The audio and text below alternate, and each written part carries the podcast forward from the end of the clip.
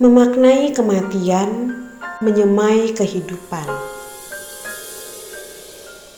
Tahun 2020 merupakan tahun yang akan dikenang oleh semua orang di dunia dikarenakan adanya wabah COVID-19 yang menjangkau hampir seluruh negara di dunia. Angka kematian yang bertambah dengan cepatnya mendatangkan rasa takut, ngeri, khawatir, dan resah. Wabah yang berasal dari sebuah kota telah menyebar ke seluruh dunia. Semua sektor kehidupan terkena dampak, dan banyak kerugian yang dialami oleh segenap lapisan masyarakat, termasuk angka kematian yang cukup banyak. Di tengah-tengah kekacauan yang terjadi, muncul pribadi-pribadi dan kelompok-kelompok yang peduli akan sesama yang mengalami berbagai kesulitan. Bela rasa tampak di mana-mana sebagai bentuk dukungan dan panggilan hati untuk membantu sesama. Peringatan wafat Bunda Elizabeth yang ke-156 ini, kita diajak untuk mengenangkan berbagai pengalaman Bunda Elizabeth yang mengajarkan tentang nilai-nilai ilahi yang seharusnya tetap kita perjuangkan. Ada banyak kisah yang menceritakan tentang pengalaman Bunda Elizabeth mengalami kematian-kematian kecil dalam pergulatan hidupnya mencari kehendak Allah. Kematian-kematian kecil yang diwarnai dengan air mata, penyangkalan diri, dan pertobatan.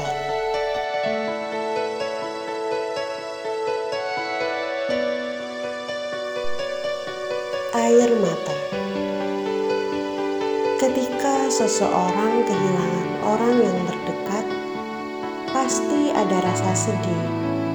Bahkan tanpa terasa, air mata mengalir akibat kesedihan yang mendalam.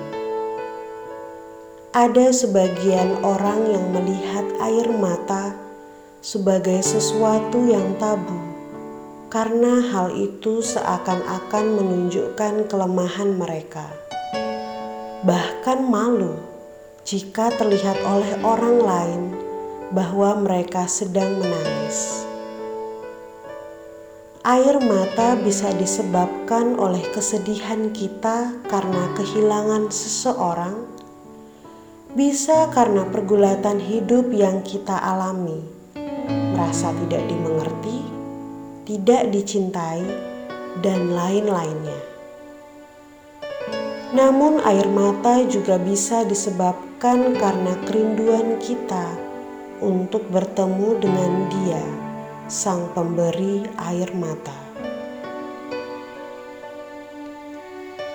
Bunda Elizabeth juga mengalami peristiwa-peristiwa yang mirip dengan kita. Ada air mata yang menyertai setiap pergulatannya dalam menemukan kehendak Tuhan air mata yang tidak lagi disebabkan karena tidak terpenuhinya kebutuhan manusiawi, namun lebih pada kerinduan akan keselamatan jiwa-jiwa. Bandingkan dari EG alinea 28.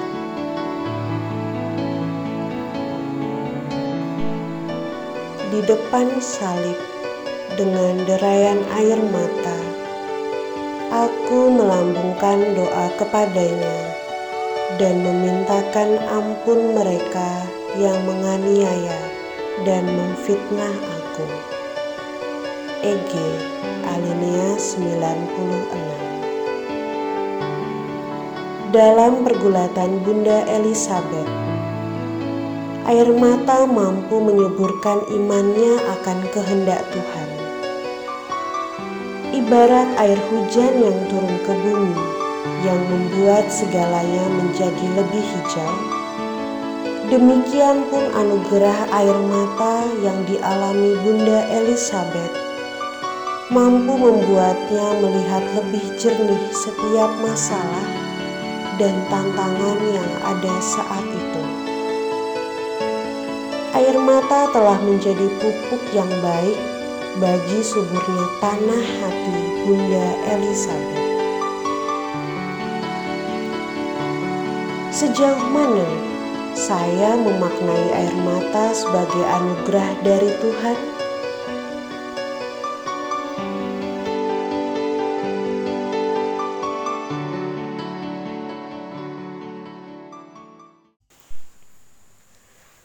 Penyangkalan diri. Banyak dari kita mungkin sudah melakukan apa yang disebut penyangkalan diri Penyangkalan diri tidak selalu mudah, apalagi jika kita melihatnya sebagai persembahan diri kita demi Sang Cinta. Penyangkalan diri membuat kita meneteskan air mata ketika masuk dalam kegelapan, kesendirian, dan kesepian. Bunda Elizabeth pun mengalami begitu banyak penyangkalan diri.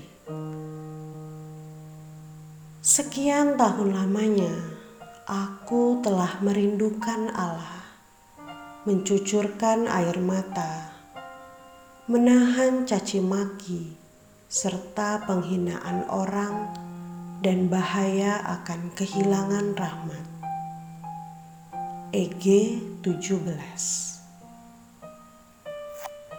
sebagai manusia biasa, Bunda Elizabeth mungkin ingin membalas ketika dicaci maki atau juga ingin sekali bercerita.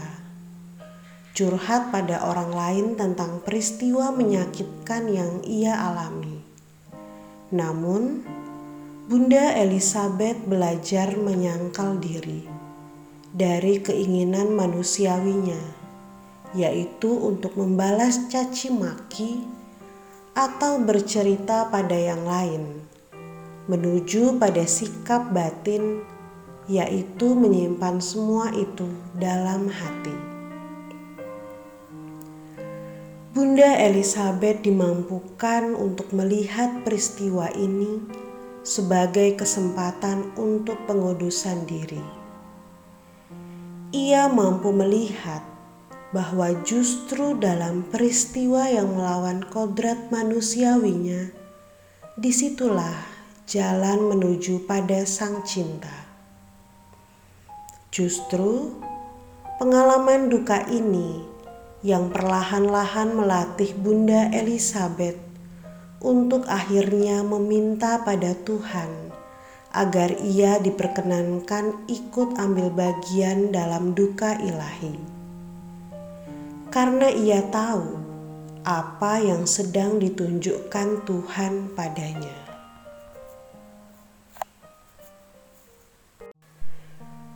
Mari melihat kembali pengalaman penyangkalan diri kita. Apakah penyangkalan diri tersebut sudah kita lakukan? Sejauh mana kita mempersembahkan penyangkalan diri kita dengan tulus sebagai ungkapan balas cinta kita akan cintanya? Bagaimana pengalaman saya dalam belajar menyangkal diri ketika mengalami kematian kecil, dicuekin, diremehkan, digosipin, ditolak, dan lain-lain? Dalam relasi dengan sesama?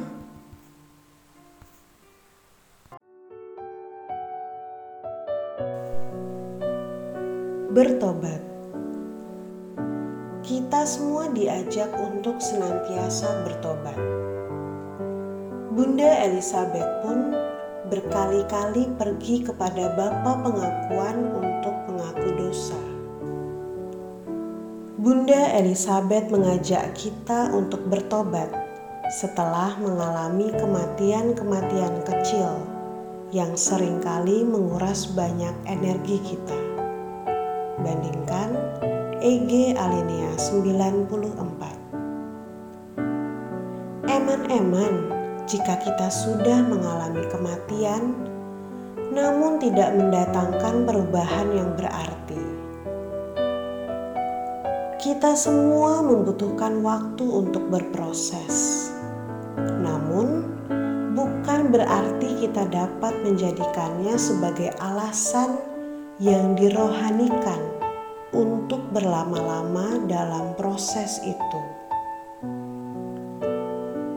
Bunda Elizabeth tidak hanya berdoa untuk pertobatannya saja, tetapi berjuang untuk pertobatan orang lain. Jika kita bisa cepat berubah atau bertobat, mengapa masih tetap memelihara sifat dan pola pikir yang lama yang membawa kita semakin jauh dari Sang Sumber Hidup? Ataukah mungkin kita kurang rendah hati untuk mau berubah, atau bahkan takut untuk berubah.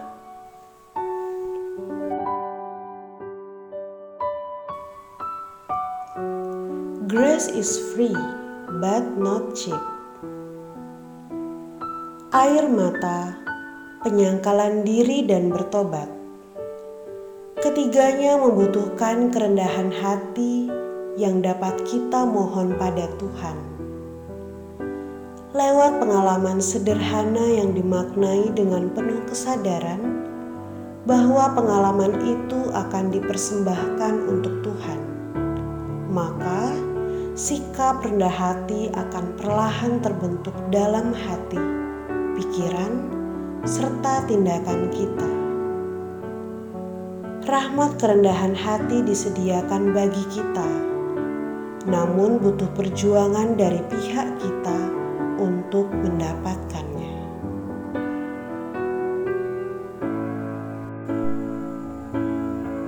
Masihkah saya melakukan setiap perbuatan dengan kesadaran untuk mempersembahkannya kepada Tuhan? Ataukah hati sudah menjadi tawar karena begitu banyak makanan instan yang masuk dalam hati dan pikiran saya? Bunda Elizabeth mampu untuk memaknai kematian-kematian kecil dalam pengalaman hidup konkret yang membuatnya mampu untuk menghadapi kematian yang sesungguhnya. Ada sikap lepas bebas yang terbentuk dalam sikap berani mengalami kematian kecil, dan dengan sikap rendah hati mau bertobat terus-menerus dalam perjuangan hidupnya. Kematian-kematian kecil yang dimaknainya membentuk hidupnya semakin berkualitas. Selamat mengenangkan kematian-kematian kecil kita masing-masing dan memberi makna baru dalam bingkai tiga kaum: kemurnian, kemiskinan, dan ketaatan, sehingga suatu saat nanti kita pun siap menghadapi kematian sesungguhnya yang akan membawa kita memasuki gerbang kehidupan abadi.